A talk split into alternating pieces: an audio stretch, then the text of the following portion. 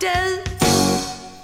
Eller möjligen A du är podden om, av, med, i och för Malmö. Den görs av mig som heter Kalle Lind och framförallt görs den av dig, den oemotståndliga Jeanette Vante Rosengren.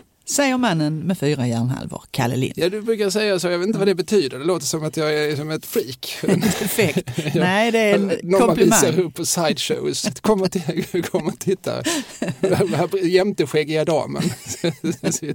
Precis. Eh, hur hur är det med dig? Det är bra, tack. Och Ja, du? det är bra. Då har vi varit artiga mot varandra. Absolut. Malmö. Vi har lite korrespondens framför oss. Ja. Alexandra Bryngelsson skriver eh, Ja, nu kommer, först kommer det lite beröm. Det tycker jag är alltid lika genant att Ja. läsa upp så att jag hoppar över det. Eller hoppar över det. Eh, ja, hon skriver så här. Lyssnade nyligen på avsnittet om Malmöhus. Och, alltså, slottet. Slottet. Mm. Och i, i, i, i den nämnden i Grevefejden och händelser där i kring vill bara starkt rekommendera den danska podden Den röde fjär som poddar om dansk historia. De har en serie om Grevefejden om cirka 20 avsnitt som är väldigt intressant och nämner också många händelser i Malmö. Oj, vad spännande. Alltså den röde fjär, Det får man ju googla upp genast. fjär F-J-E-R. Ja, fjädern, eller? Ja, det låter rimligt. Mm.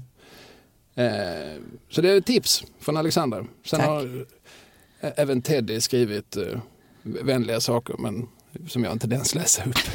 Jag ty- tycker, jag tycker det är genant. Din blygsamhet förbjuder dig. Ja, men, ja, han skriver här, ska, ska jag, alltså, någon får gärna säga det till mig, jag älskar, ni får gärna fortsätta skriva det till oss. Mm. Men, men jag, jag, det, det, det bär mig emot att citera det. Eh, Så, jag är lite för mycket från Eslöv för att, Ja, jag förstår. Jag för att känna att det är någonting man går runt och säger. Ja. Eh, har, har, har du också korrespondens? ja, men jag har några. Dels så har jag ett här där ehm, personen i fråga skriver så här. Hej på er! På tal om Sten Andersson i Lund 1 maj 1988. Efter talet skulle han och sekreteraren vidare till Malmö, stod på Gyllenkroks allé och väntade på en taxi som aldrig kom. Så vi erbjöd oss att köra dem till Malmö. De missade starten på tåget men kunde hoppa in lite längre bak i tåget så de hann med knapp nöd. Inga livvakter i sikte men eh, Sten tyckte inte att vi, två kvinnor i 40-50-årsåldern, såg farliga ut. Tack för den mycket trevliga podden Fast vi bor i Lund, skriver Britta Eriksson och Gunilla Alfe. Men alltså pratar vi om den gamla supersossen Sten Andersson? Absolut. partisekreterare, socialminister, utrikesminister, eh, kommunistätare Just det. eh, enligt egen utsago. eh, han, han var i Lund på första maj och Ja. de skjutsade honom. De är inte taxichaufförer. Nej, nej, nej, det inte var- alls. De, De bara, gav taxin kom ju lift. aldrig utan de gav honom lift. Vi hade ju en, eh, en liknande händelse i någon annan poddavsnitt med någon som blev körd på det där viset utan att eh, Säpo var inblandade. Jag förstår, jag förstår. Mm. Eh, och när vi nu nämner saker som gäller gamla sossar och som vi eh, bör följa upp så glömde vi ju när vi pratade om Dizzy Gillespies eh, framfart i Malmö. Nej, inte Dizzy Gillespie utan Dexter, Dexter Gordons. Gordon, ja. En annan jazzmusiker med initialerna DG. Eh, Dexter Gordon var här på 60-talet. Han var cirkelledare på ABF och han satt i fyllecell vid David Hall. Ja. Men han spelade ju också för Palme på första maj. ja, ja. Olof Palme alltså. Det var inte dåligt. Nej, jag glömde nämna det. Vet jag. jag vet att jag efter att vi gjort det, nej men nu glömde jag nämna det viktigaste. Var det, var det i Malmö också då? Alltså? Ja, ja. Ja, mm. Så att, eh, så är det med det. ja, fantastiskt. Ja, det- Som vi ofta har konstaterat i den här podden, det har ju hänt saker i Malmö. Ja, det har det verkligen. Sen är det, jag tänker, får man hälsa i det här programmet? Hej, ja, du får väl det. Då är det så här, då vill jag hälsa till Christer Hansson. Ja, Christer Hansson har skrivit till oss. Han eh, har skrivit om både det ena och det andra i ett mejl här. Men det har också visat sig att Christer har då skickat med en bild va? Som jag visar för dig nu men som ju inte lyssnarna kan se. Nej alltså precis, den är ju, det här är ju en, en audiell podd. Ja precis. Och då, här, då är det här nämligen ett klassfoto från Danfriskolan klass 1A 1974 där både Christer och jag är med på samma bild för vi gick i samma klass Se där, se i ett där. enda år. Och detta hade han, kom han ihåg då, så då skickade han den här Ja, bilden. du gör ju intryck. Jag vet är inte. sån som syns och märks. Nej, inte på den här tiden. Har man en gång träffat dig Nej. så glömmer man inte det. Ja, ja, ja. Nej, men det var väl gulligt tyckte jag. Så det tackar jag för det. Och sen så tackar han ju dig också för att du bringade klarhet. Christer skriver så här. Tack Kalle för att du bringade klarhet till min pappas gamla diabilder på en svartvit tv där Beatles stod. Mhm. Det känns som ett skiffer för mig. Det är något jag inte ska förstå tror jag. Ja, nej, inte jag heller. Nej. Jag, alltså jag vet att jag vid något tillfälle i, i något sammanhang har berättat en, en anekdot från min barndom. Eh, eller så här, om man börjar i andra änden så hittade jag som tonåring så hittade jag eh, som en bunt foton som var tagna eh, när jag var runt de åtta. Mm. Och så tittar man på dem. Ja, det här måste vara där, taget där och det här är ju den och den. Och så plötsligt, vad är det på de här bilderna? Det ser ut som ingenting. Det ser ut som det är någon skada på, på linsen eller något. Alltså, vad, vad är det? Alltså, försöker någonstans. Och det här är ju en tid innan man kan dra upp. Innan, Ja, man, det, innan, innan iPhone gör Ja. att man kan förstora med, med bara ett enkelt fingergrepp. Och jag tittar och så, men är det där Magnus Härenstam? Och sen så förstår jag att ja, men det är nog, eh, alltså 1983 så gick ju eh, tv-programmet Kvällen i tiden. Där, där eh, alla revykungarna, Kardemumma, Gösta Bernhard, Povel Ramel, Hasse och Tage, Magnus Ubbassi och Lill Lindfors fick en gemensam timme i SVT. Och då har jag ju stått framför tvn med en kamera som åttaåring och plåtat av det här. Och det, det är det jag kommer att associera till Ah. när, när det kanske jag har berättat någonstans och så är det någon som har därigenom börjat tänka, men vänta det här kanske jag också som har plåtat av en tv. Just det, så Va- kan det vara. Vad vet jag? För att eh, jag vet inte om jag just när det gäller Beatles kan ha hjälpt någon på traven. Nej, nej, men det kan ju vara, det kan ju vara att hans, eh, hans tv där Beatles var med då, eller ja, eh, att han gjorde likadant. Precis, jag säger varsågod Mm. Ja. i vilket fall. O- Oklart varför, men, men absolut, väl bekomme. Eh, vi tar formalian som vanligt. Man kan då gå in på Patreon, patreon.com eh, om man vill stötta, om man vill vara en mecenat, om man vill vara en donator. Eh, då letar man upp ADU-podd, A-D-U-P-O-D-D och eh, så kan man då liksom skänka en krona, tio kronor, en miljon kronor eh, i- veckan, i månaden, om dagen. Det väljer man själv. Tycker man det är krångligt? Det tycker man ju. Det är Ja. jättekrångligt. Det är väl enklare att swisha kanske? Ja precis, swishen det har man ju, har man ju i byxfickan. Ja. Mm. Det är bara att ta upp och så går man in på swish-appen och så skriver man 123 052 1088 123 052 1088 och så skänker man en valfri slant. Mm. Jag föreslår en summa nu 812 kronor. Men det är bara ett förslag på en Ja. summa. Jämnt och bra. 815. Alltså, vi kan ta runt, vi kan avrunda uppåt, 900 Ja. Eh, kan man också skriva. Det gör man precis som man vill. Men nu går pengarna till Kalle Lind Kulturarbete AB och så får såklart Vante eh, sin del. Den del Hon förtjänar. hon anser att hon är värd. Jag är tacksam för allt. Varje skärv. Jaha, då ska vi gå in på dagens ämne. Det står, eh, om man har liksom klickat på det här eh, i sin poddspelare, sin, sin poddplattform, så står det Studioteatern. Och det är väl också det vi ska prata om. Vad, vad är det? Vad var det? Studioteatern var eh, Sveriges största amatörteaterförening under ett stort antal år faktiskt. Källa Studioteatern. Källa Studioteatern. Nej men eh, så var det nog. Man satte ju upp, eh, ja men det är, det är en lång historia som vi ska berätta faktiskt. Man Ja, satte upp en otroligt stor mängd uppsättningar för både stora och små, gamla och unga. Ja, det är väl som vanligt en lång historia vi ska berätta. Jag gissar att vi börjar någon gång i samband med Karl- att Karl X och Gustav går över bält. Ja, det är Gycklarna vid Kungens hov. Det är den, den teatern vi börjar med. Nej, men vi ska tillbaka till 40-talet i alla fall. Aha. Ja. Den, den grundades då, eh, föreningen. Ja, men då är det, det, är, det är faktiskt några arbetargrabbar från Kirseberg som startar den. Under ledning av en Bengt Polle Paulsson som han, han går i realskolan. Han kommer egentligen från Eh, arbetarklasshem men föräldrarna tyckte ändå att du ska läsa vidare, gå i realskolan. Och det gör han det på Borgarskolan och spelar också handboll. och eh, tillsammans med ett gäng kompisar. Och då får de nys om att man kan åka på skol, någon sorts skolmästerskap i Stockholm med sitt lag då. Och då går de till sin gymnastikmagister och frågar om de kan få åka. Absolut, säger magistern, under förutsättning att ni själv samlar ihop pengar till resan och boendet och sådär. Och då blir de sporrade att göra detta. Men hur ska vi samla ihop pengar? Ah, vi sätter upp en revy. Mm.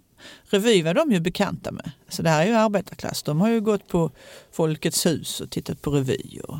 Alltså revy är ju en extremt levande genre ute i buskarna vid tiden, alltså ute i landet. Mm. Och, och revy är ju ett vanligt sätt, alltså det här är ju innan enarmade banditer innan bingo, mm. och så, alltså för just liksom hela föreningssverige och som ju i sin tur är jättestort vid tiden. Alltså de flesta svenskar på 40-talet är ju med i någon förening. Mm.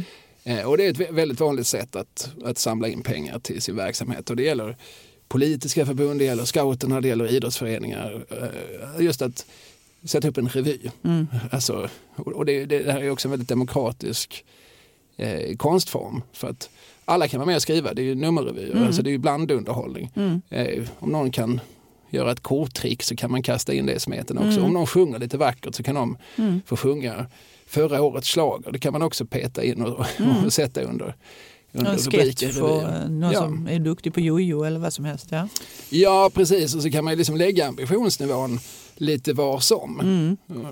De flesta har väl bara en, en handduk som ridå. Ja. Och, och så har man hittat en gammal mopp som man har gjort en peruk av och så nöjer man sig med de billiga skatten. Men, men, men i princip, alltså man, just, jag nämnde inledningsvis sådana som Gösta Bernhard till exempel, mm. som hade Casinorevyn. Han kom ju från idrottsrevyerna mm. i, i Västervik eh, och träff, flyttade till Stockholm, träffade sin partner Stig Bergendorf som han sen skrev ihop med i många decennier. De kommer från de revysektionerna i respektive idrottsförening. Mm. Carl Gustaf Lindstedt kom från SSU. Ja, ja. Mm. Och sen hade du skojat och eh, spexat inom ramen för Sveriges socialdemokratiska ungdomsförbund. Mm. Och där, alltså, han ingick i en liten trio som hette Tre Knas. Just det. Även Gunnar Knas Lindqvist. Det var liksom i SSU, liksom i, i hängnet av SSU mm. som de gjort sina lustigheter. Mm. Så att eh, Bengt Paul Paulsson är på något vis en, eh, en del av föreningssverige ja, vid tiden. Precis. Det är väldigt tydligt, alltså det här är mm. ganska representativt. Ja, ja men eh, och, det här, och de gör ju det. Och det går, de sätter upp den på Borgarskolan och det går bra och de får in sina pengar och de går till magistern och säger vad fint, sa magistern. Det är bara det att gymnastiklärarna på den tiden det är i stor utsträckning gamla militärer. Mm. Så när de får de här pengarna, eller han får de här pengarna så säger han bra pågar, men nu skickar jag ett gäng skyttar istället. Alltså, till, till det här skolmästerskapet. Så de blev lite nedslagna av det, men de fortsatte att göra revyer. Men vänta nu, han skickar andra elever ja, än de som har samlat in stålarna? ja. Alltså skyttar stod väl högre i hans eh, kurs än vad handbollskillar gjorde, helt enkelt. Mm ja. Ah, ja. Det är lite bittert, men eh, en så kallad gymnastikdirektör. Ja, just det. Visst, var det titeln på, ja, på dåtidens ja. Jumpamajer? Jumpamajen, ja. Jo. Mm. Nej, men eh, ja, hur som helst, ett frö var ju sått och de fortsatte att spela de här revyerna. Och det var ju mycket, det var som du säger, det var revyer, det var liksom ingen dramatik förrän de träffar på en kille som heter Kjell Regfeldt. Mm. Som de på något sätt träffar och han var aktiv inom Ungsvenskarna. Ungsvenskarna låter ju lite konservativt. Då. Ja, idag är det ju SDs ungdomsförbund. Mm. De har ju i alla fall det namnet. Men på den tiden så var det dåvarande högerns ungdomsförbund. Ja just det, och högern, dåvarande högern är dagens moderater. Ja. Eh, och jag tror, alltså nu citerar jag, nu rotar jag i minnet, alltså jag tror att det, det var någon sån där liksom fraktionsstrid, alltså att Ungsvenskarna till slut valde så att säga att inte gå med, med nassarna. Mm. Eh, men det kan nog också ha varit så att i vissa perioder så har den ena sidan annekterat det namnet. Just det. Eh, jag tror att Ungsvenskarna är ett sånt namn man gärna vill ha. På andra sidan har liksom Sveriges kommunistiska parti det har ju varit liksom en beteckning som, som många fraktioner har velat ha. Ja, så, så fort den har blivit ledig så har ju så. något annat parti, då tar vi den. Hugger man den ja. Mm. Varför det är väldigt rörigt att försöka teckna en en historia över svensk kommunism för att olika partier som i själva verket har varit ovänner med varandra har hetat samma sak. Just det. Och det kan vara så med Ungsvenskarna också. Ja. Eh, hur som helst. Ja, och, och Kjell som var med där då, han, man såg ingen, det blev liksom ingen eh, politisk schism kring det här utan han hade ju en kulturell skolning som han delade med sig av. Han hade ju tittat på dramatik och sånt som de här arbetarna, grabb, arbetargrabbarna, det var ju, det var ju för borgerligt, alltså de hade ju inte någon eh, hum om vad det innebar. Men de närmade sig varandra och sen så småningom så kom det in fler och fler i den här gruppen. Det blev scouter, det blev studenter så att man blandades upp lite grann och så, så ville man börja spela dramatik. Och nu skulle man bara hitta ett namn på sin verksamhet då. Och då tittar man sig runt omkring i Europa. Där, man tittar faktiskt mycket på Tyskland där eh, det hade bombats ju förfärligt mycket under andra världskriget. Och eh, teatrarna var sönderbombade, alltså började man spela teater i små rum i lägenheter och sådär. Teater im Zimmer kallades det här och Mm. då blev det små studios. Samtidigt fanns det också en norsk teater som de tittade på som hette Studioteatret eller något sånt där. Och så blev det Studioteatern helt enkelt. Ja. Så eh, man, man börjar då repa. Den första replokalen man har det är i, i eh, Forumrestaurangen Idorfhuset vid Triangeln. Så där, och nu är vi på 40-talet. Ja alltså. men precis. Eh, 48 re- räknar Ja. de att de bildades liksom på riktigt. Så, så det är åren efter kriget med andra ord. ja. Och den, den är ju rolig också med den här forumrestaurangen. Vi har ju pratat om den tidigare. Där spelar man ju in, eh, där spelar ju Rolf Valentin in eh, Sveriges första rockskiva till exempel. Just det, under Ja. artistnamnet Rock-Rolf. Ja, precis. Och det, ja, men den heter Stockholm Rock, heter, Ja. heter förvirrande nog tror jag. Att, Ja. Just det. Så, så, så att jag inte sitter och ljuger här. Men, att, men vi spelade, Rock-Rolf spelade in en låt som heter Stockholm Rock Ja. på en, eh, om vi ska vara vänliga, en habil engelska. Ja, ja. Men då är jag vänlig. Ja, det var ju en nationell tävling. De hade, eh, det var väl bra att ha med Stockholm där för de skulle ju tävla i Stockholm sen. Ja, just det. Ja. Det finns ett gammalt eh, Kvällsposten-reportage från 80-talet där Nisse Hellberg och Rock-Rolf eh, sammanförs. Mm. Det är så väldigt, på den tiden när Kvällsposten hade liksom resurser och man liksom skapade mycket egna nyheter. Vi skapar möte här. Mm. Vi tar liksom den unga generationen, rock, rockare, och så den äldre generationen och så ser vi om de har någonting att säga varandra. Ja. Minns jag rätt så hade de inte så mycket att säga varandra. men, men jag, kan, så jag är inte säker på att Rolf Valentin som fortsatte så mycket efter, efter att han gjort den där singeln. Nej, så kan det nog vara. Nåväl, Ja. eh, där höll de hus i alla fall. Där höll de hus. Första pjäsen har då premiär 1950. Tre kortpjäser är det. Men sen så några år senare så får de möjlighet att flytta till en riktig scen. Då flyttar man till Ungdomens hus, Skolgatan 12. Och eh, Och det, det är redan på 50-talet de gör det. mm, För att- 53. För där finns de sen till 90-talet. Eh, nej, men sen kommer Nej, de att eh, de flytta därifrån igen. Ja, men, okej. det är lite, men, men det är rätt att det är där de, de har sin bas under den största tiden. så att säga. Men den, pjäsen, den första pjäsen de sätter upp där, det är Hamlet, klassiskt. Vem spelar Hamlet tror du? Det vet inte jag. Åke Jörnfalk. Ja, så, ja Mm. såklart. Åke Ja. Jörnfalk som ju sen var i många år på Malmö stadsteater men som på sin ålders höst eh, liksom lite grann återgick till amatörteatern och drev Teater Augusten Precis. på Augustenborg. Ja, Eh, Också så här källarteater i en teaterlokal som, som väl, alltså när Augustenborg byggs, när jag gör det på 40-talet, Ja. då eh, så bygger man väl från början efter vad jag förstår att här ska ju som finnas samlingslokaler där folk kan, med, med scen. jag tror det är en bio från början faktiskt. Alltså det är en bio ja. från början, okej. Och sen blir det då en eh, sån, ja. För jag, för jag tror inte, när Teater Augusten, när, när det, de nu börjar, men, ja. men det är ju eh, egentligen en pensionärsverksamhet.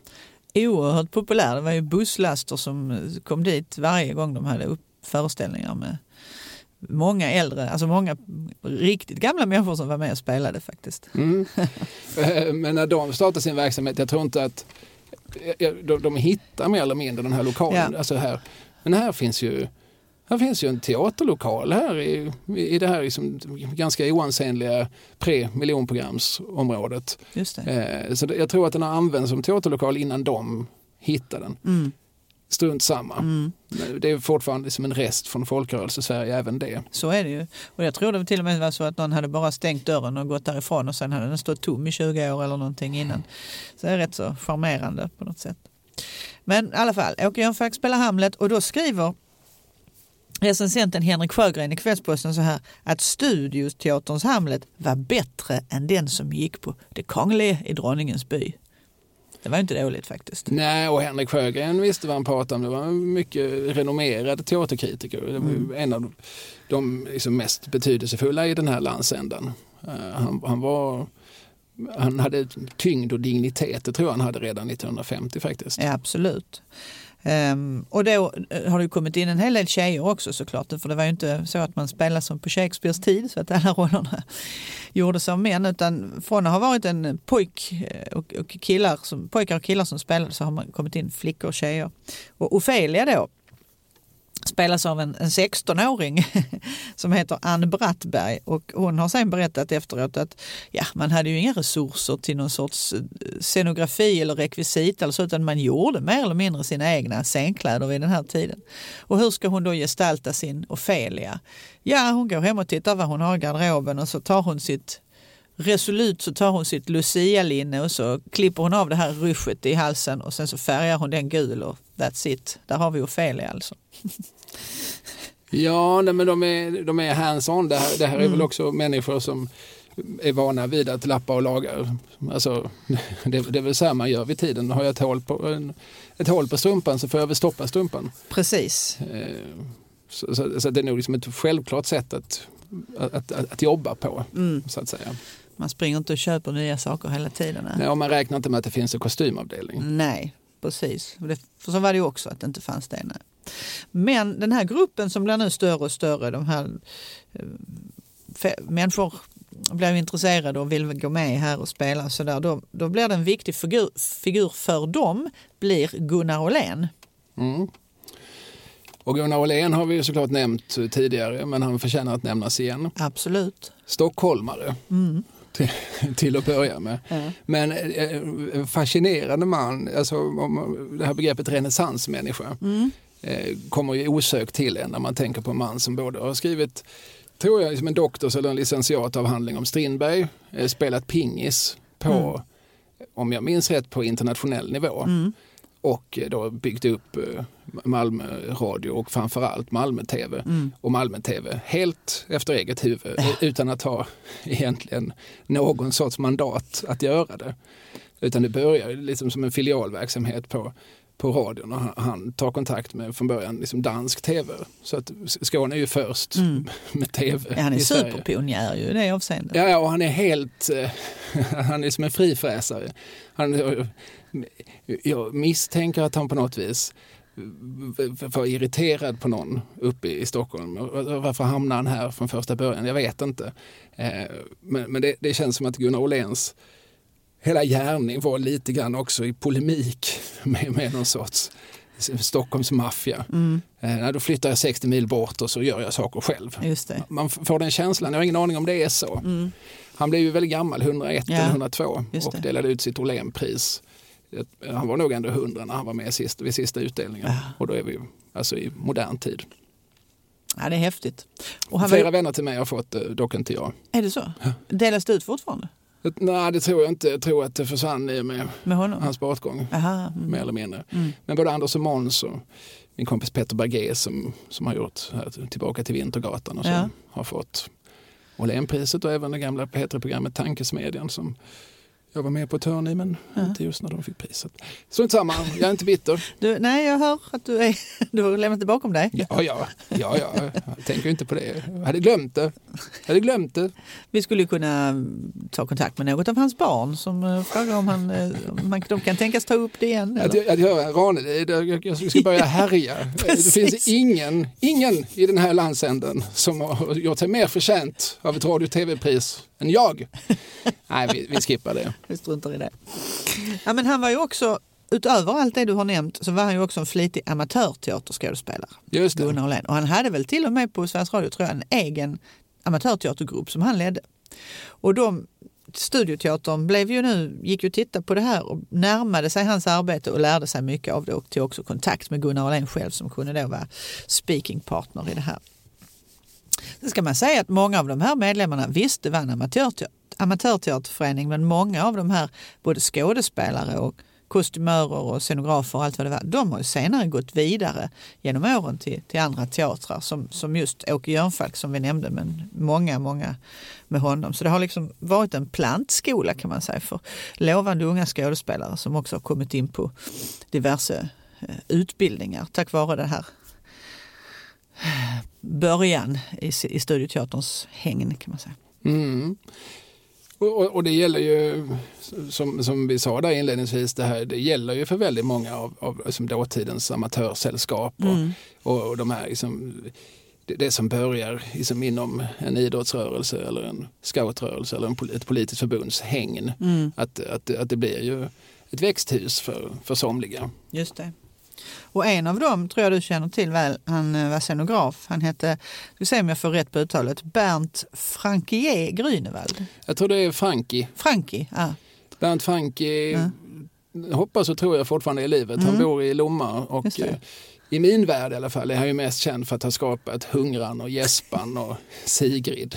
Det vill säga Beppes dockor i godnattstunden. Jag visste att du skulle veta detta såklart. Ja, ja jag har träffat honom. ja, ja, ja. Jag är inte ett dugg förvånad. ja, men han är dockmakare och ja. scenograf. Och, uh... Började i Studteatern. Mm. Mm. Um, med 55 går man ihop med, eller går man ihop, gör man inte, men man samarbetar med ABF. Och gör studiecirklar, utvecklar kurser på det sättet. Och då börjar man spela oerhört mycket dramatik. Det var sånt där Medea och Gorki-pjäser och sånt där. Och så får man också lite hjälp från oväntat håll för då är det en skådespelare på Malmö Stadsteater som erbjuder sig att vara, att vara någon sorts mentor. Han heter Bengt Åke Bengtsson. Ja. Jag säger så med vilje för att det var K i båda eh, för och efternamnet då. Den väldige skådespelaren. Ja precis, han som eh fick Edvard Persson att framstå som väldigt liten och nätt. Ja, precis. Nämns i Karl Gerhards kuplett, det ska vara feda breda pågar. Nej, såklart. Ja. Ja. det fanns ingen fedare eller bredare påg än Bengt-Åke Bengtsson. Enorm! Ja. Alltså man, man ser på bild, alltså mm. idag skulle vi använda begreppet obes. Ja, ja. Mm. Eh, mm. men men det, det känns eh, Eh, lite sjukligt. Alltså mm. det här, idag hade han fått genomgå en operation och så mycket att släpa på. Ja. Men han fanns ju hos, också hos Karl Gerhard uppe i Stockholm i perioder. Ja, ja. Jag tror att det var han som spelade Hindenburg i den berömda kupletten eh, Sig Adolf Heil Heil Heil Jaha. från 1933. Mm -hmm. eh, som det finns en en historia om. Mm. Som jag, jag vet inte om det har så mycket med studioteatern att göra. Så jag, men berätta den, berätta den. Ja, men det är ju ett nummer som, alltså det här är ju 33 redan, Karl Gerhard gör alltså ett, ett antinazistiskt nummer där de spelar Hitler, Göring respektive eh, Hindenburg. Mm. Och, eh, det har, eh, redan 33 har den tyska delegationen synpunkter på detta och tycker inte att det här mm. numret ska framföras. Jag tycker framförallt inte att numret ska avslutas med att Hindenburg knäböjer för Hitler. Hindenburg var ju ja ja, han, han var ju en av dem tillsammans med von Papen eller så där, som, som krattade manegen åt Hitler genom att trots att han inte hade en majoritet av rösterna ändå liksom hjälpte till att göra honom, dubba honom till mm. Reichskansler. Mm, mm. Eh, och då, eh, då gör liksom Karl Gerhard en kompromiss för att ja, men vi tar bort den där knäböjningen för att det har också Bengt-Åke bett väldigt, väldigt snällt om att få, få slippa.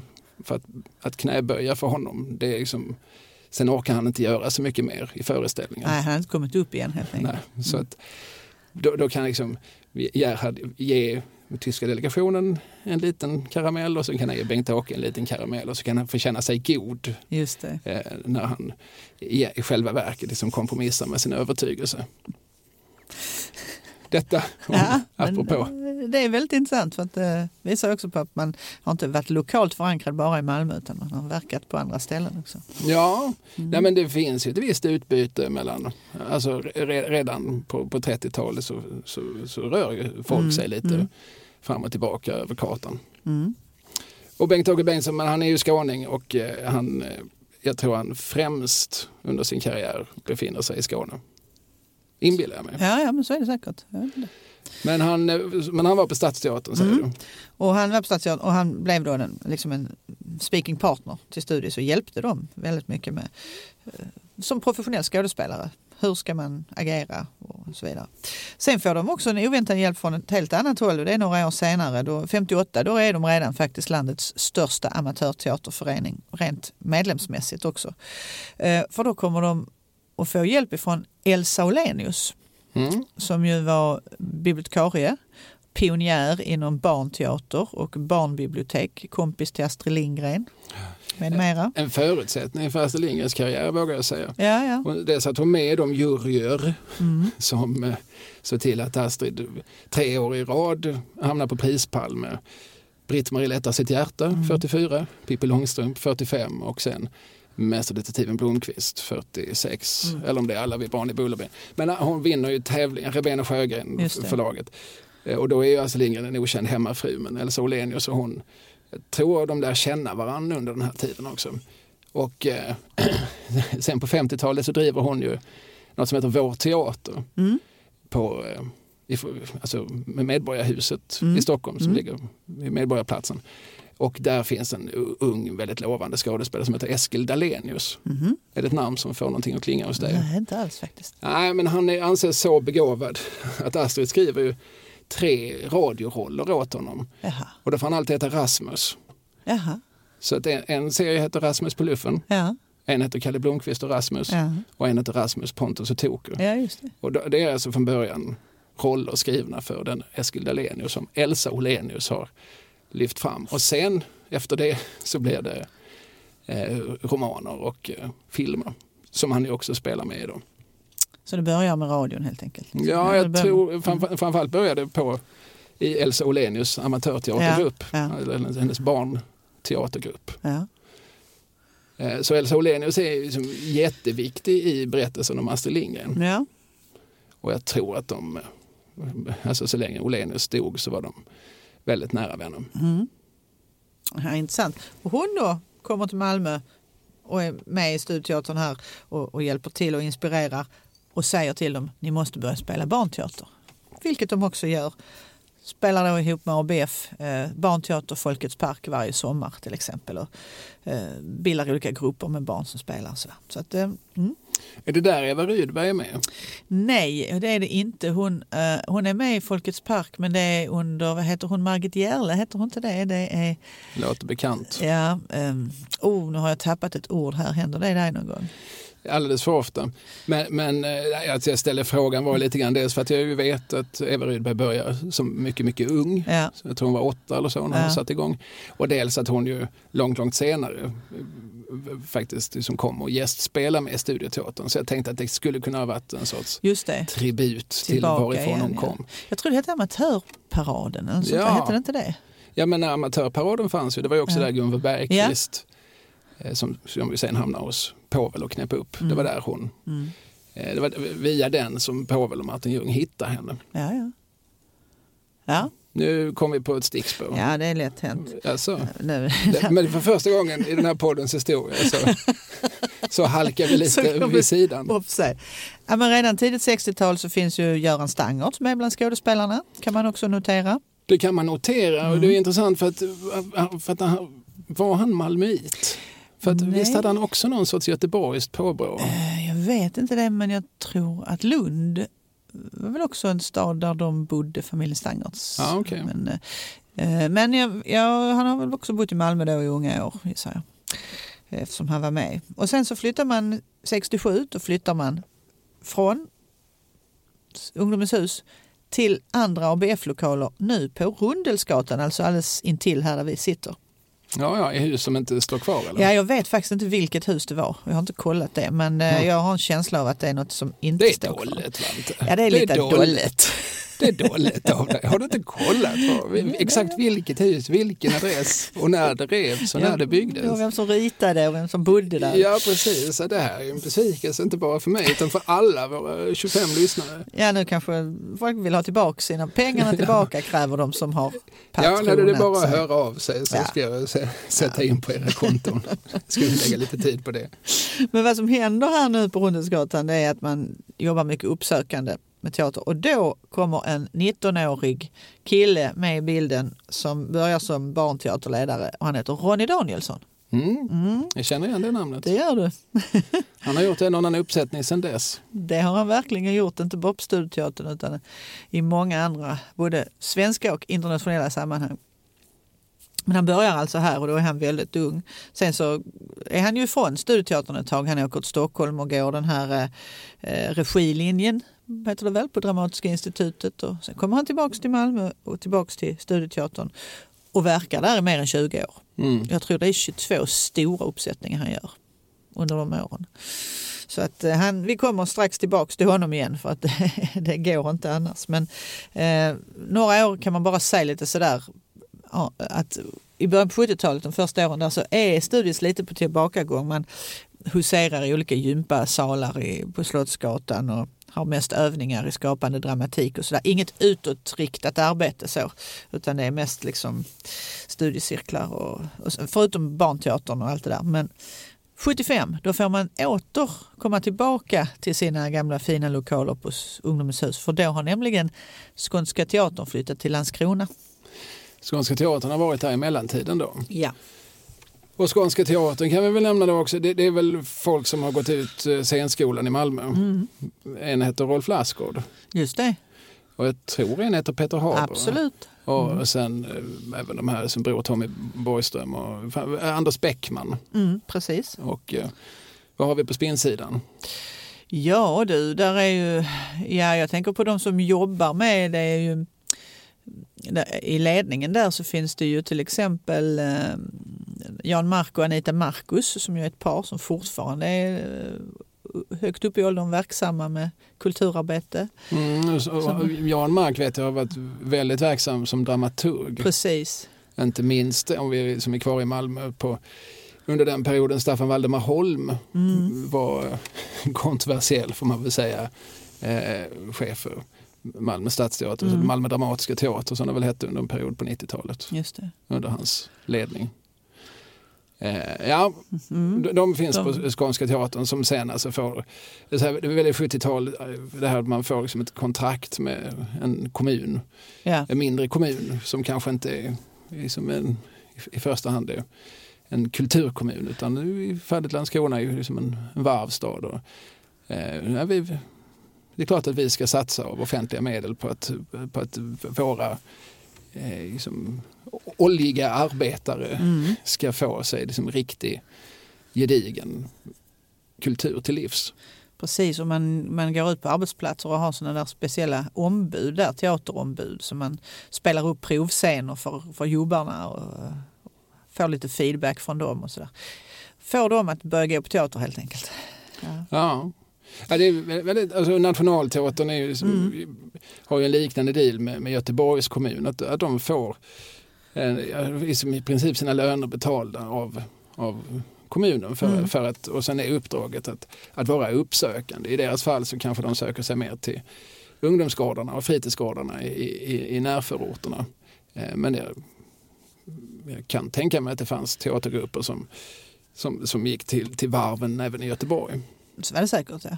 Det var ju ofta mm. en smula politisk och emellanåt rent av agitatorisk teater. Absolut. Men, men så kan det ju vara. Ja.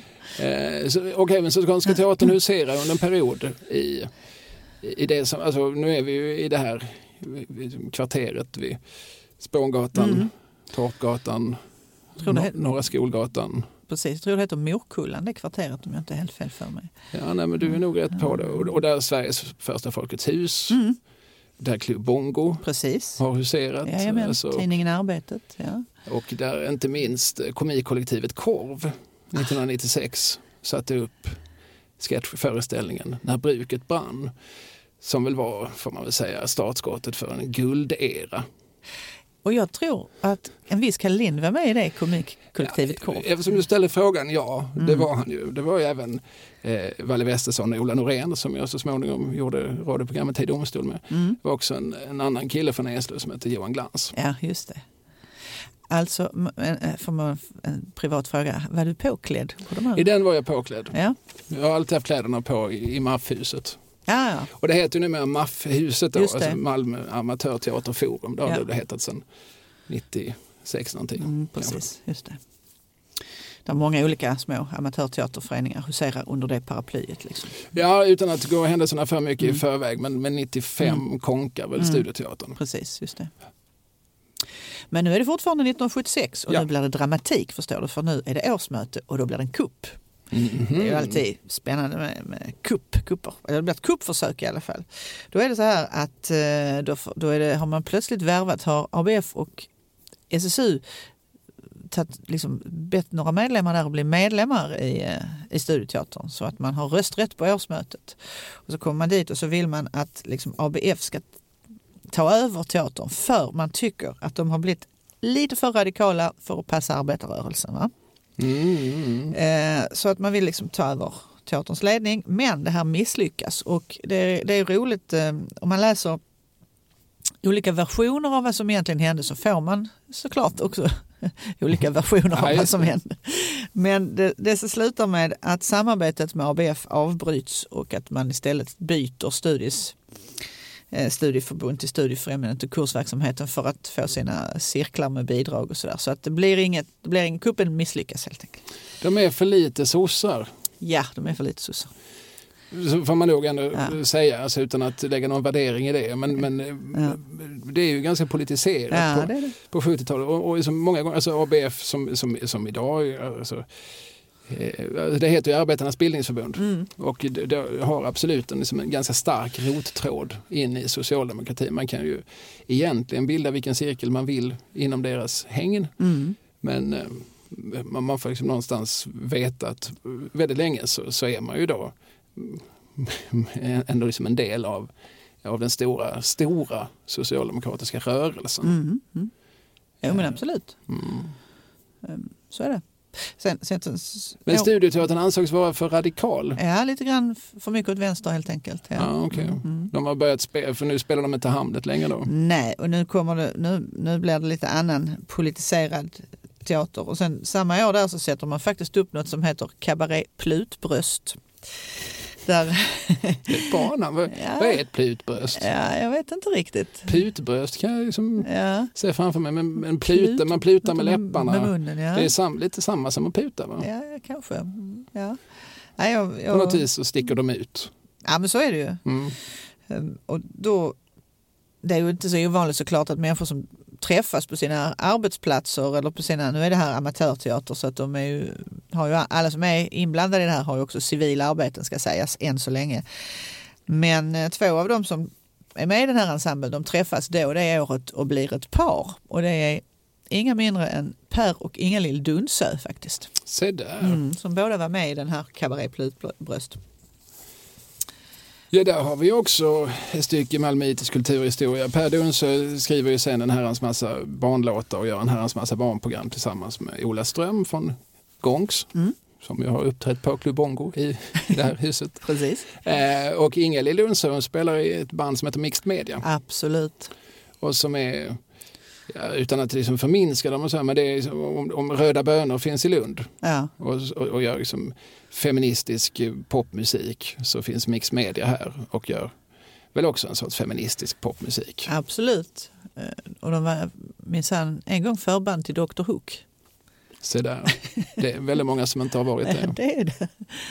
Eh, Och de spelade ju en hel del av, alltså de, ehm, Dan Tillbergs faktiskt låtar som, eller han skrev texter till dem och sådär vet jag. Och de spelade in några skivor Mm. också. Någon live vet jag. Mm. Jag var nog aktiva, åtminstone i skiftet 70-80-tal så, Ja. så var det ett av Malmös liksom, mest som etablerade band vågar jag säga. Mm. De hade en, en, eh, jag kommer inte ihåg hur många år det var då, alltså sån här jubileums föreställning på Victoriateatern någon gång i mitten på 90-talet som jag var och såg och det var väldigt roligt för det var knökat till sista plats och eh, sen fick man hänga med på efterfesten där på eh, Brogatan. Mhm. Det var väldigt eh, kul tyckte jag. Ja. Jag var lite starstruck på dem faktiskt. De här damerna. En som heter Kersti Olin som också var framträdande, som också var med i Studieteatern. Eh, men vad jag vill ha sagt med det här också är att många, nu börjar många kvinnor ta mer plats. Vi har rabblat rätt många herrnamn här ju, men det, nu kommer det, när det blir 80-tal, det blir större, fler och fler vill vara med, Studioteatern växer. Det kommer regissörer som till exempel Eva Lindblad och Anette Norberg som är viktiga på den här tiden. Producenter som Karin Tingstedt till exempel. Eh, och de sätter upp pjäser för både vuxna och barn och gör även det som kallas för massteater. Det börjar på Det var 80-talet. på 80-talet. Stora uppsättningar på, på, på konstiga ställen, alltså. Mm. märkliga ställen inom citat. Det är innergårdar, det är flyghangarer, det är eh, järnvägsvagnar och det är Södervärns vattentorn och sånt där. Va?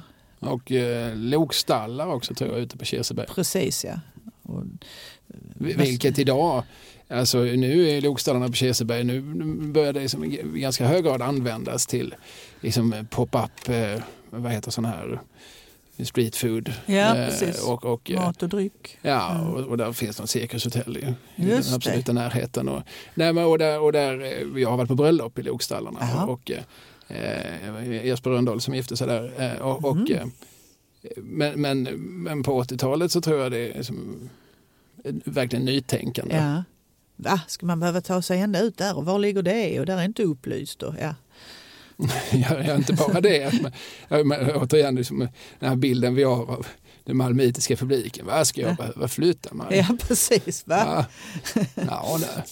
Men, men, men, men överhuvudtaget är att, att, att börja liksom se att olika industrilokaler och så, att själva miljöerna Mm. kan, kan, kan bidra med någonting Mm. och bli en del av en större eh, upplevelse. Det tror jag är som är, alltså det går ju det går säkert att hitta liksom tusen exempel från tidigare men det känns som att det är ett, på 70 och 80-talen så, så börjar man eh, på flera håll i, i landet också, även i Stockholm börjar man liksom leta upp gamla nedlagda fabriker Mm. och sådär och etablera eh, antingen tillfälliga eller rent av börja användas som teaterscen.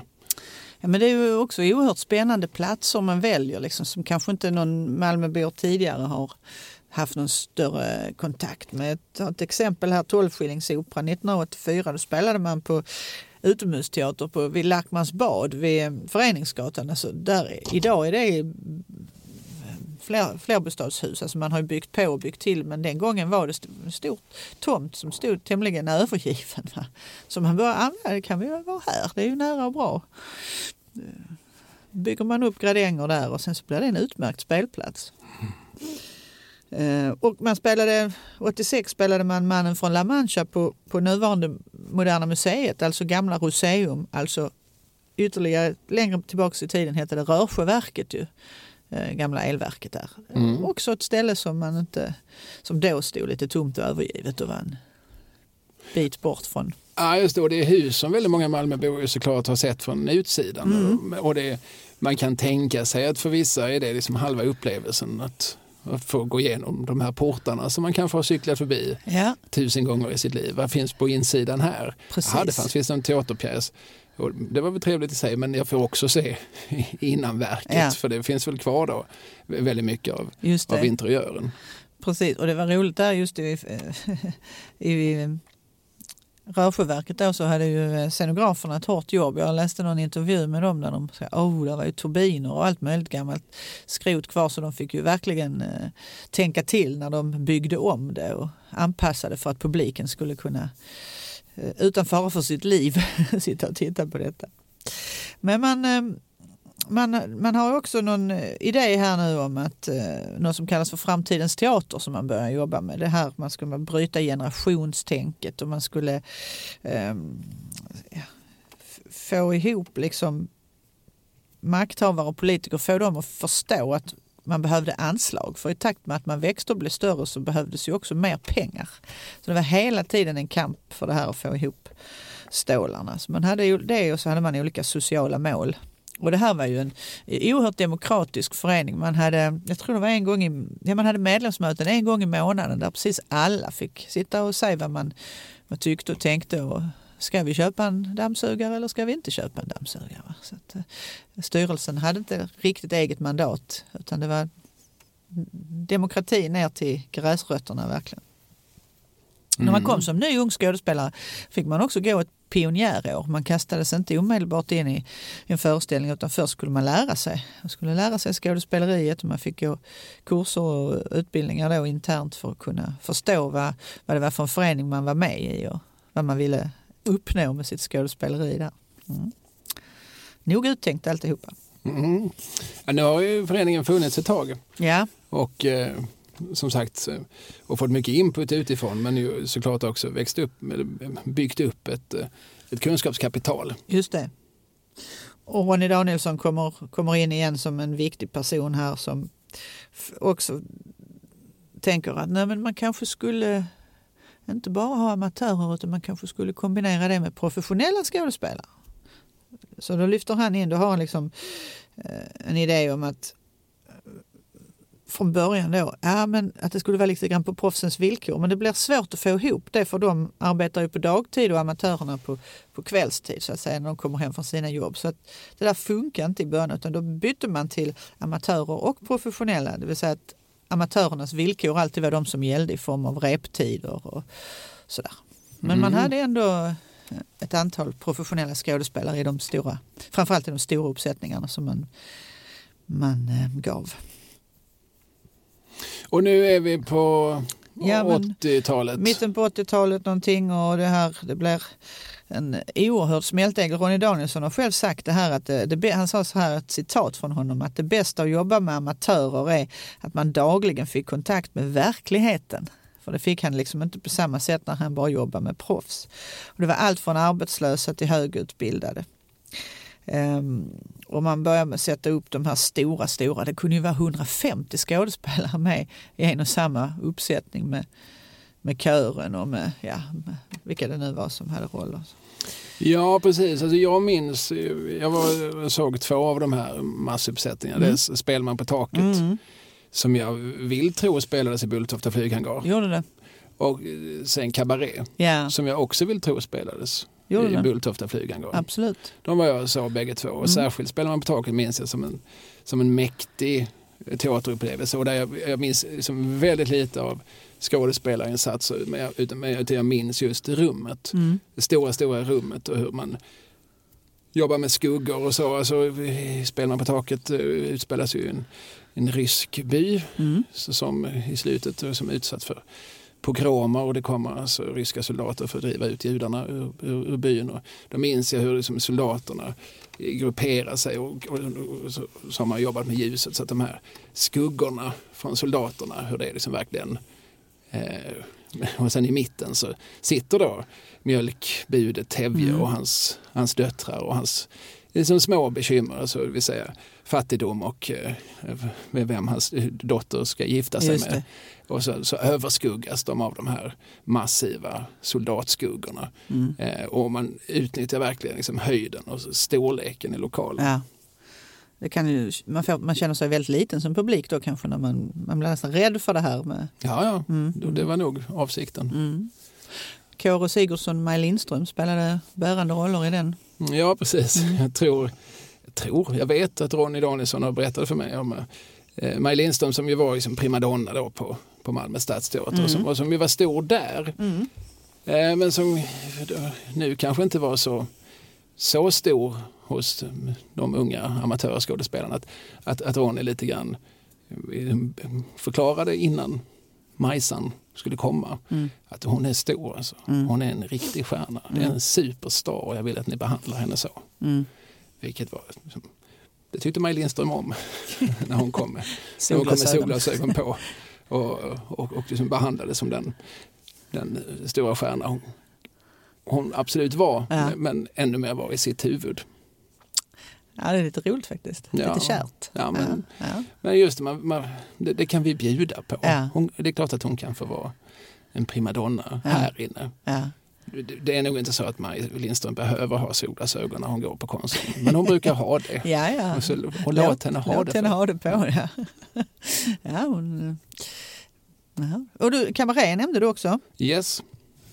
Som av en slump har jag mitt gamla program med mig här. Ja, det går du väl inte ut utan. Nej, det har jag alltid i min lilla väska. Jan Modin vill jag minnas eh, att han som spelar konferencieren hette. Absolut. Alltså. Och han var väl proffs. Han var proffs och det var även Olivia Stevens som spelade Sally Bowles. Ja, precis. Mm. Och sen så fanns det ju en, jag tror just i den föreställningen att de var 150 personer med Kit Kat Girls och Kit Kat Ladies och olika dansare på, på Kit Kat Club och sådär. Mm. Och där minns jag, om jag nu minns rätt, men alltså när man gjorde eh, när man gick in i lokalen så, Mm. så, så, så kom man liksom omedelbart in i KitKat Club. Ja. Alltså innan man ens kommit in i, i där sen själva pjäsen skulle utspelas så Mm. satt det som ett band och lirade. Så här dekadant Mm. mellankrigsmusik. Ja. Och man skapade som omedelbart känslan av att nu är vi, nu är vi i Weimarrepubliken. Absolut. Nu är vi i den här perioden mellan två världskrig. Då, då, det är ju så fascinerande med 20-30-talets Berlin att det förmodligen är den, eh, den bästa platsen liksom i världshistorien att leva som queer. Mm. Ja, precis. Men det, luckan är liksom på 15 år. Ja, Sen är det, blir det väldigt snart ett av de sämsta ställena att vara på. precis. Men de 15 åren. Alltså, och då förstår man också de som skriver kabaré, de heter Kandoreb, Mm. Eh, som ju då är judiska homosexuella män. Mm. Man kan liksom förstå v- vad, vad liksom den här perioden eh, betyder för Ja. dem. Jag kan tänka mig att de också hade tyskt påbrå. Att de var liksom flyktingar från, från eh, om, om de själva var det eller om deras föräldrar var det. Men att de en gång då tvingats fly. Alltså hur Mm. de på ett vis liksom romantiserar den tiden.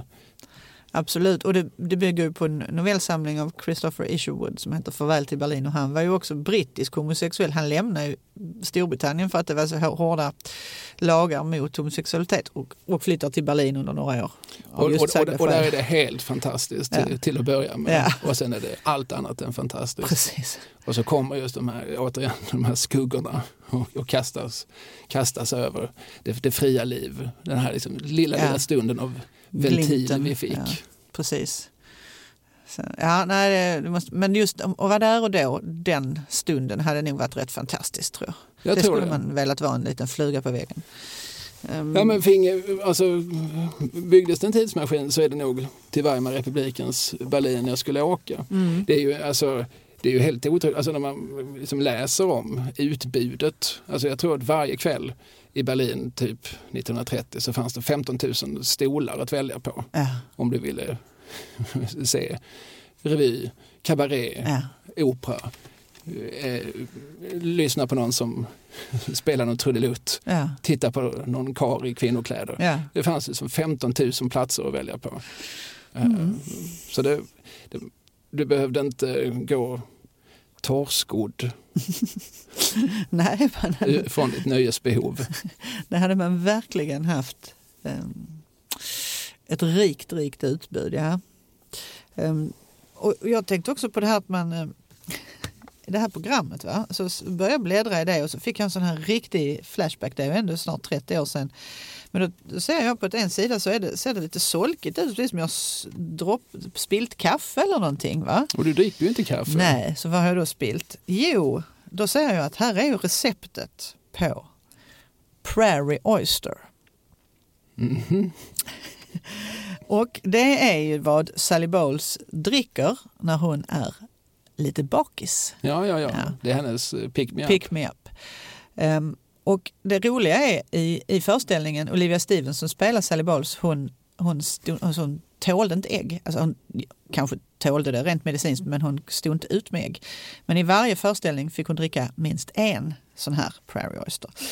Och då när jag såg det och läste det så tänkte jag, men det här, nu var jag ju ung på den här tiden och ibland ute och rumlade och var lite trött på morgonen. Mm. Tänkte jag, jag ska testa det här. Kanske är någonting man blir pigg av. Så nu kommer recept här, eller tipset. Man droppar två stänk olivolja i ett cocktailglas. Mm. Man rör oljan med två stänk Worcestersås. Mm. Mm, mm. Det är det som har stänkt på mitt program. Två teskedar tomatketchup.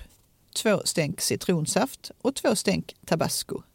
Allt ska vara ordentligt blandat. Sen lägger man försiktigt en äggula över och strör salt och nymald peppar över. Och sen I en klunk helst va? i en klunk helst. Så kan, om du någon gång blir, men du är väl en sån renlevnadsman, så att du behöver inte detta. Men, eh, Märker du hur tyst jag är? jag vill varken bekräfta eller dementera. nej, nej, nej, nej. Jag ser inga kommentarer. Nej, just det.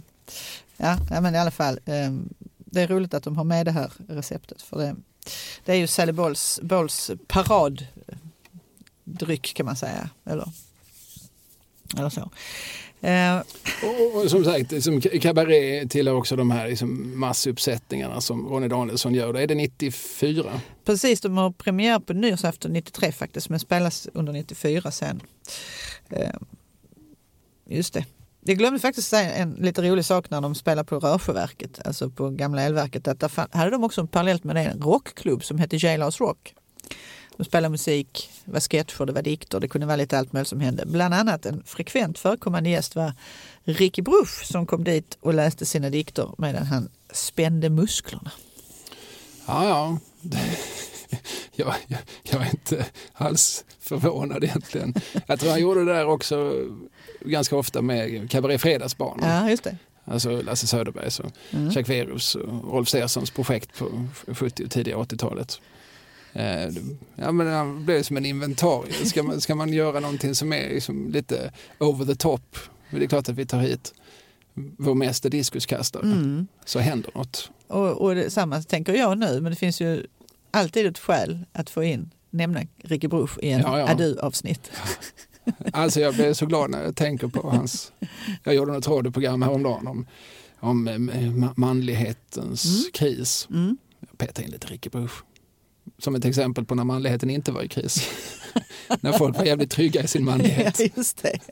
Ja, det kan jag. Den, ja, det får man ju lyssna på. Ja, Så. jag är skön, sjunger Ricky Bruch. Vem kan väl förneka att för mig finns inga förbud. Och flickor ska man ha när man vill leka. Men jag tar det kallt, mig fångar ingen brud. Så kunde Ricky Bruch sjunga 74 i en eh, låt inspelad av Rock Kristian här i Malmö. Var inte titeln just mig fångar ingen brud? Ja, det var så Ricky Bruch kunde med glimten i ögat såklart ja, ja. sjunga. det är väl klart. Ja, det var som, jag, spelade, jag, jag straffade in den som ett exempel på i en tid när, när vi män inte var så vilse, eller åtminstone inte Ricky Bruch verkar ha varit så vilse Nej, just det. i, i sin mansroll. Han, han visste precis. Ja. Ja, men, ja, man får ge honom det. Ehm, ehm, tillbaka till, till Ja, eh, eh, studioteater. 90-talet. Mm. Ronny Danielsson han utvecklade lite grann till en specialitet, de här massuppsättningarna. Ja. Och det, och det, sen när Studioteatern som sagt går i putten 95 så fortsätter han ju i någon mån. Alltså han är ju han är ju en av våra absolut flitigaste teaterregissörer. Men, och han har gjort alla möjliga sorters, alltså han har ju gjort många hundra föreställningar. mm. Eh, Men jag tror att det fortfarande är som just massuppsättningarna, totalteatern som, som är hans specialitet. Att han är väldigt bra på att använda stora rum och stora ensembler. Just det.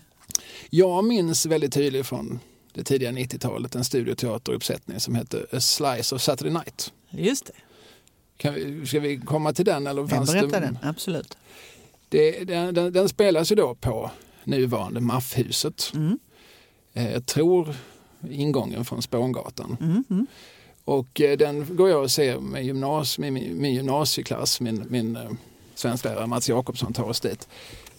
Och, och det, det här, jag minns det väldigt tydligt. Alltså det är egentligen en ganska, jag tror att det är en rätt så oansenlig liten fickmusikal med så här väldigt eh, 50-60-tals nostalgiskt mycket liksom jukeboxen och stålkammen och myggjagarna. Alltså den, alltså sån, sån liksom 50-tals parafernalia som Lasse Åberg alltid har sysslat med väldigt Mm. mycket med. Jag, jag tänker mig att det fanns en raketost Ja, någonstans i, i, i rekvisitan. Men den här blir liksom väldigt uppmärksammad. Mm. Eh, och det, den utspelas på eh, någon, någon sorts som diner eller café. Jag, alltså jag tror att den är faktiskt brittisk från början. Jag tror att den är skriven på någon sorts cockney Mm. eh, från början. Eller jag vet att den är skriven på någon sorts cockney. För att eh, och så handlar det om ett gäng ungdomar och så, så är där en äldre herre som driver det här det här, det här lilla kaféet. Och som bland annat har en replik som jag, jag kanske inte minns den ordagrant, men jag, så här har jag citerat den nu i 30 år, lite då och då. Du, de här benen, de här gamla spirorna, de har vunnit inte mindre än nio Rock till you drop-tävlingar. Och det var inte lokalt, det var riks. jag vet inte varför den här repliken fäste sig i mig, men jag tyckte den var rolig. Att- Tom Tunell hette skådespelaren som Ja. levererade detta. Och vad hände med honom? Ja, han fick inte följa med till Stockholm. Nej. Men resten av det här gänget, eh, den här ansågs vara så, så bra. Jag tror det var Eva Rydberg som såg den och eh, kände att eh, den, där kan vi liksom göra professionell. Så hon tog den till Stockholm. Satte istället för denne Tom Törnell satte hon Sven Melander Mm. I den rollen. Så att Sven Melander spelade då mot ett gäng eh, som väl fortfarande då betraktas som amatörer. Mm. Eh, och så sattes den upp, jag vet inte på vilken teater i Stockholm. Den hette då Poppis med underrubriken A Slice of Saturday Night. Mm. Och det blev ett fiasko. Det, med, fast Sven Melander var med. Ja, eh, så, så blev det. Men, men, eh, och, och det var liksom ett gäng förväntansfulla ungdomar. Bland annat, jag tror att min, min vän Valle Westesson, hans syster Matilda var en i gänget. Eh, och Erik Arnbom som, eh, som idag jobbar på produktionsbolaget Anagram. Som är, han är en av landets två fast anställda manusförfattare. Det finns Ja, bara ja. två i hela Sverige, han är en av dem. Är det sant? Eh, Det är annars ett frilans, typiskt frilansyrke. Men, men han, han är med i den här ensemblen och, eh, och det går inte så bra. De får nog lägga ner ganska fort, eh, tyvärr, den här föreställningen. Men, men Melander förbarmar sig lite grann över det här gänget eh, ynglingar och ynglingor och tar med dem. Han har ett sketchprogram på 90-talet som heter Melander och Company där de får bli hans liksom fasta ensemble när han gör Steve med Lloyden och sina figurer. Och så. Men jag tror, alltså, oavsett, liksom, oavsett hur det gick så blev det nog ändå liksom en, en boost för de här unga människorna. Ja. Matilda som jag nämnde, som numera heter Eriksson i efternamn, hon är ju då en del av något som heter Lilla Vilda Teatern som Ja, är som ja. väldigt flitig eh, ba- barnteatergrupp som har funnits i Malmö i 20, 25, 30, 40 Deras, år, vad vet jag. De har en sån här buss som är stripad. De- Den står alltid parkerad utanför där jag bor nämligen. Så jag ser den nästan varje dag. Och- Och man ser den ofta i, i gatuvimlet när de är på väg någonstans för att göra sina små fickföreställningar för en barnpublik. Ja, men spännande. Och då kan man ju tänka sig att många har ändå fått den där liksom, eh, ja, startgnistan har kommit någonstans, kanske just från Studioteatern eller, eller någon annan eh, liknande amatörteater som, som man sen har vuxit i. Jag kan ju också berätta, jag började på Fridhems folkhögskola 1994 och eh, jag vet jag är uppvuxen i Eslöv. Ja, Det går inte så många kändisar på våra gator. Men, och jag, liksom under en hel barndom så satt jag liksom och läste om den stora världen, om människor som ja, skådespelare, regissörer, stjärnor, artister.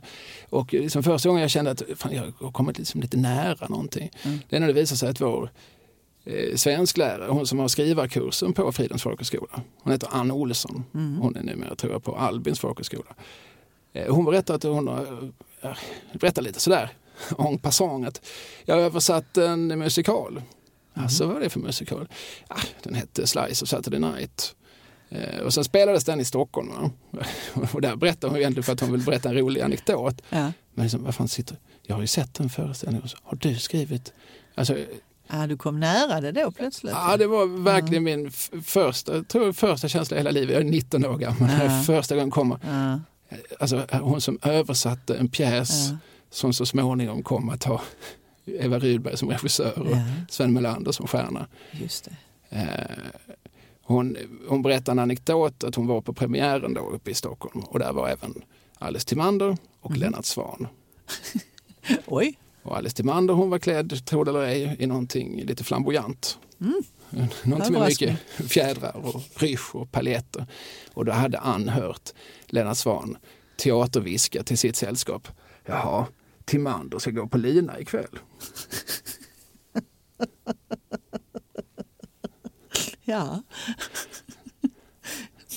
I programbladet till uh, Slice of Saturday Night så, så, skrev han också en text om att, för det var därför jag sa att den var skriven på Cockney, eh, att hon hon var väldigt engelskkunnig men, men, men cockneyn är speciell. Det finns det som uttryck.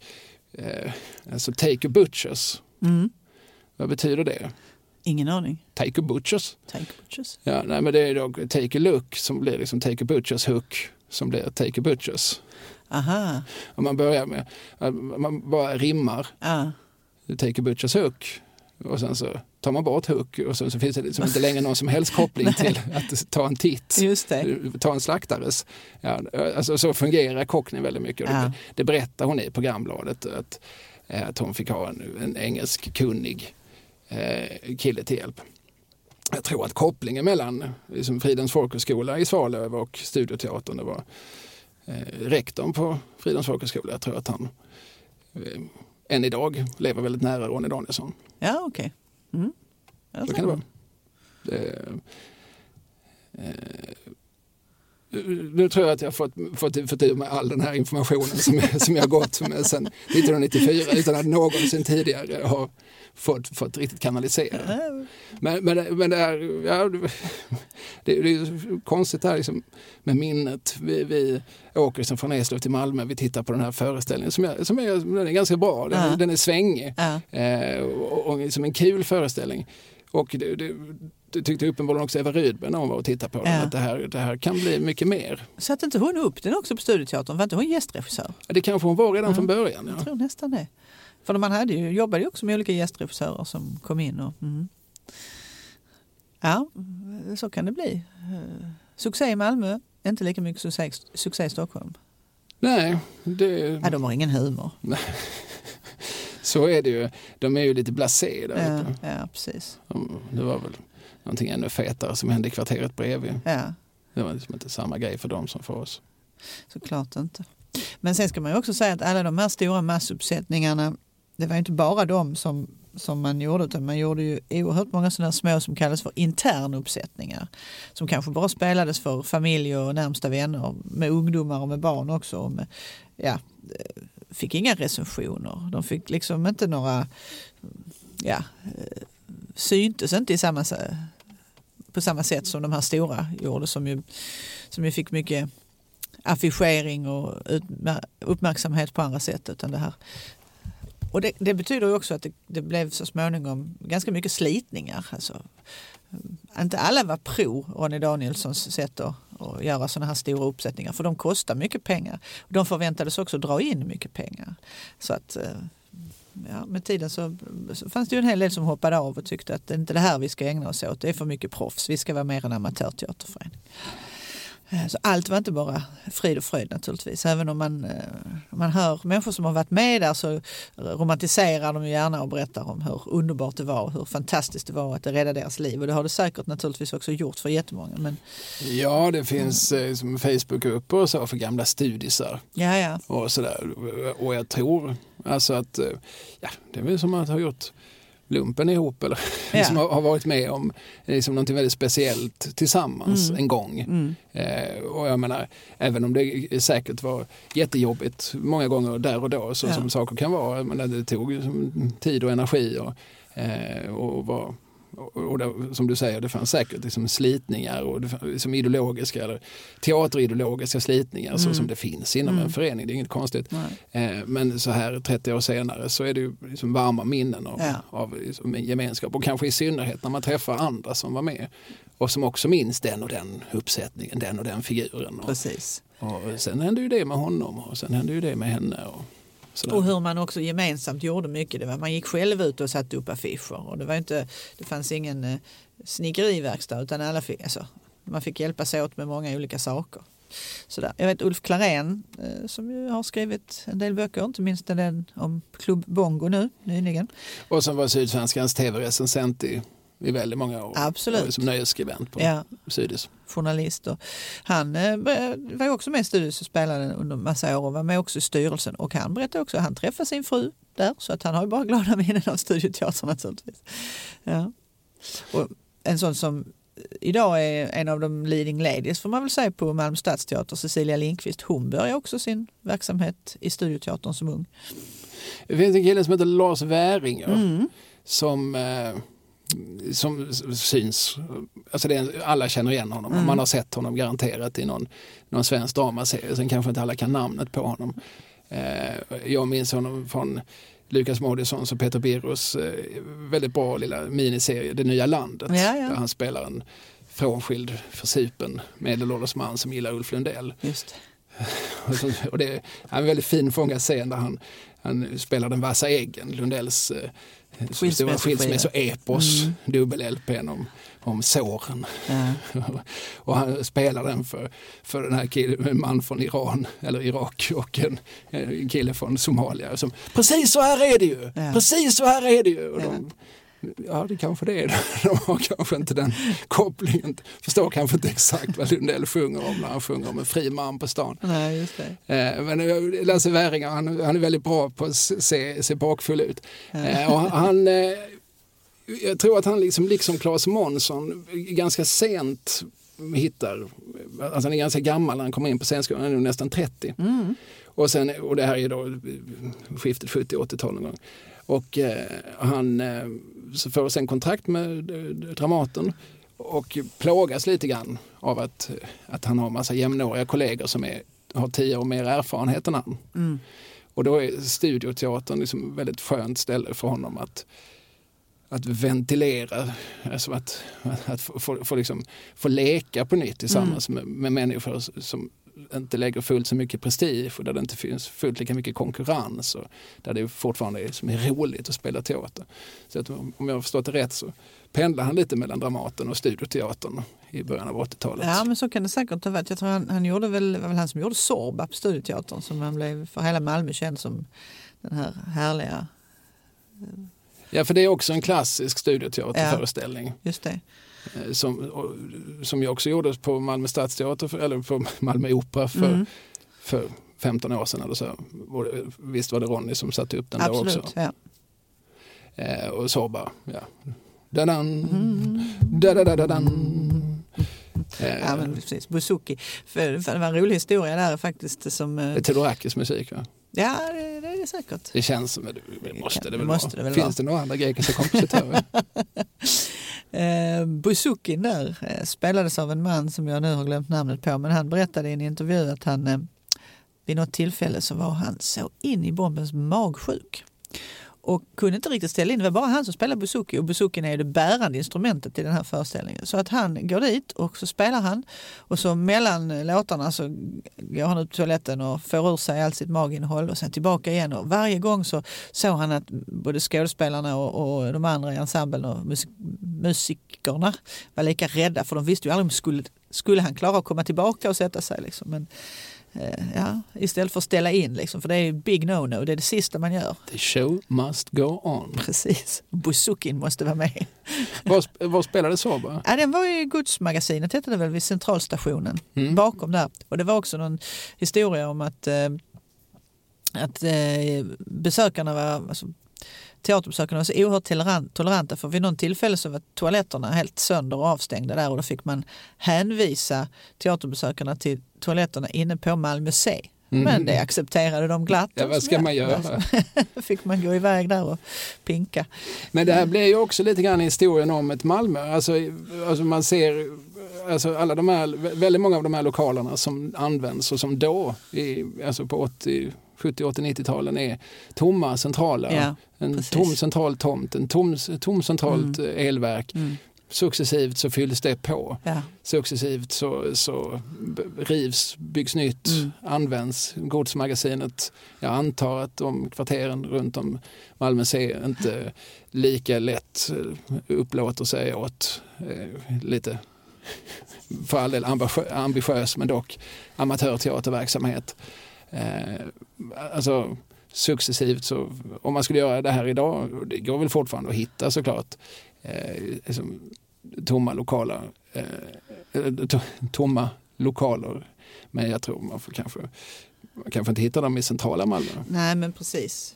Så är det ju säkert. Jag vet också att jag tror faktiskt dock att det var efter Studioteatern att det var Ronny Danielsson hade ju något projekt som hette tror jag, Teatern.nu va? Mm. Det är väldigt så här millennieskifte, man ska heta saker som låter som det kommer från webben. Ja precis. Och då satte han upp Hair i i, eh, där SVT, alltså runt hörnet på Klaffbron. Hoppsan. Ja, Kockums gamla matsal. Precis, eller, ja. eller båghallarna, Ja, något sånt. där, Eh, jag var och såg den. Ja. Det var ju rätt så ruffa lokaler som man kom in i där då som inte eh, det var liksom inte, det var inte pyntat och dekorerat som för en, i en vanlig teater så att säga. Nej, och där kan man inte vara nu för att Nej. nu har det rivts och byggts om och Ja. eh, hipsterifierats och Absolut. blivit attraktivt. Mm. Eh, Så det är alltid spännande med den här sortens verksamhet att man också därigenom kan se hur, som en sorts stadsförändring. Precis. Nu när vi Ja. pratar om detta under rubriken Vår Malmöpodd. Mm. Just det. Ja, 95 sa vi Konkurs. går det i konkurs och de här, eh, här kvarteret då vid, runt Spångatan där, där slår diverse, alltså resten av Studioteatern och, Mm. eh, och andra amatörteaterförbund och så. De, de bildar en, som en paraplyorganisation som då heter Malmö Amatörteaterforum Mm. och där man väldigt smidigt, förr i alla fall, kunde eh, liksom hyra, jag tror inte, jag vet inte ens man behövde hyra, men man, dealen var att man kunde komma dit och så fick man en scen att använda. Mm. En bra deal.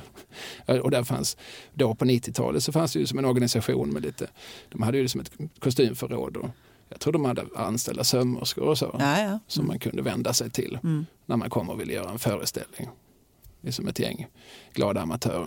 Oerhört sympatiskt. Men eh, kan man inte göra det fortfarande tror du? Jag vet inte hur det är organiserat idag. Jag skulle tro att det är ännu mer professionaliserat. Men, där, Mm. men, men alltså där finns ju... Min son har ju gått på liksom, teater Mm. som, som, som, som eh, fritidsverksamhet där och så. Ja, så ja. jag gissar att man fortfarande kan göra det och det sätts upp föreställningar. Eh, och ibland med väldigt hög ambitionsnivå. Eh, ja, Mm. alltså, det är ju inte ett, det är inte ett dött fenomen, Nej. amatörteatern. Nej, nej, nej. Absolut Eh, inte. Utan det fyller fortfarande en stor funktion för Mm. massor med människor som på sin fritid går och blir någon annan Ja, tillsammans med andra. det är häftigt. Ja. Mm.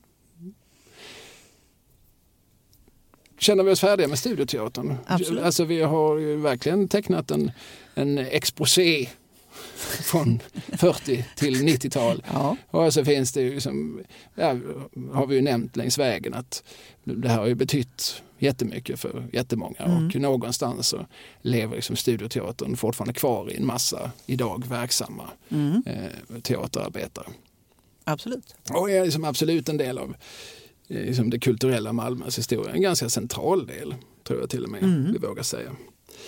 Ja men då gör, säger vi väl så då, så Mm. hörs vi om två veckor och då pratar vi väl om någonting annat. Ja, det hoppas jag verkligen. Ja, nej, den som lever får se. Mm. Den som lever får .se som Ronny Erikssons föreställning hette. Apropå Ronny Danielssons gamla teaterprojekt. Ja. Ja men du Vante, Ja. vad härligt att se dig. Detsamma. Ja, det gör vi. Mm, hej. Hej. Allt beror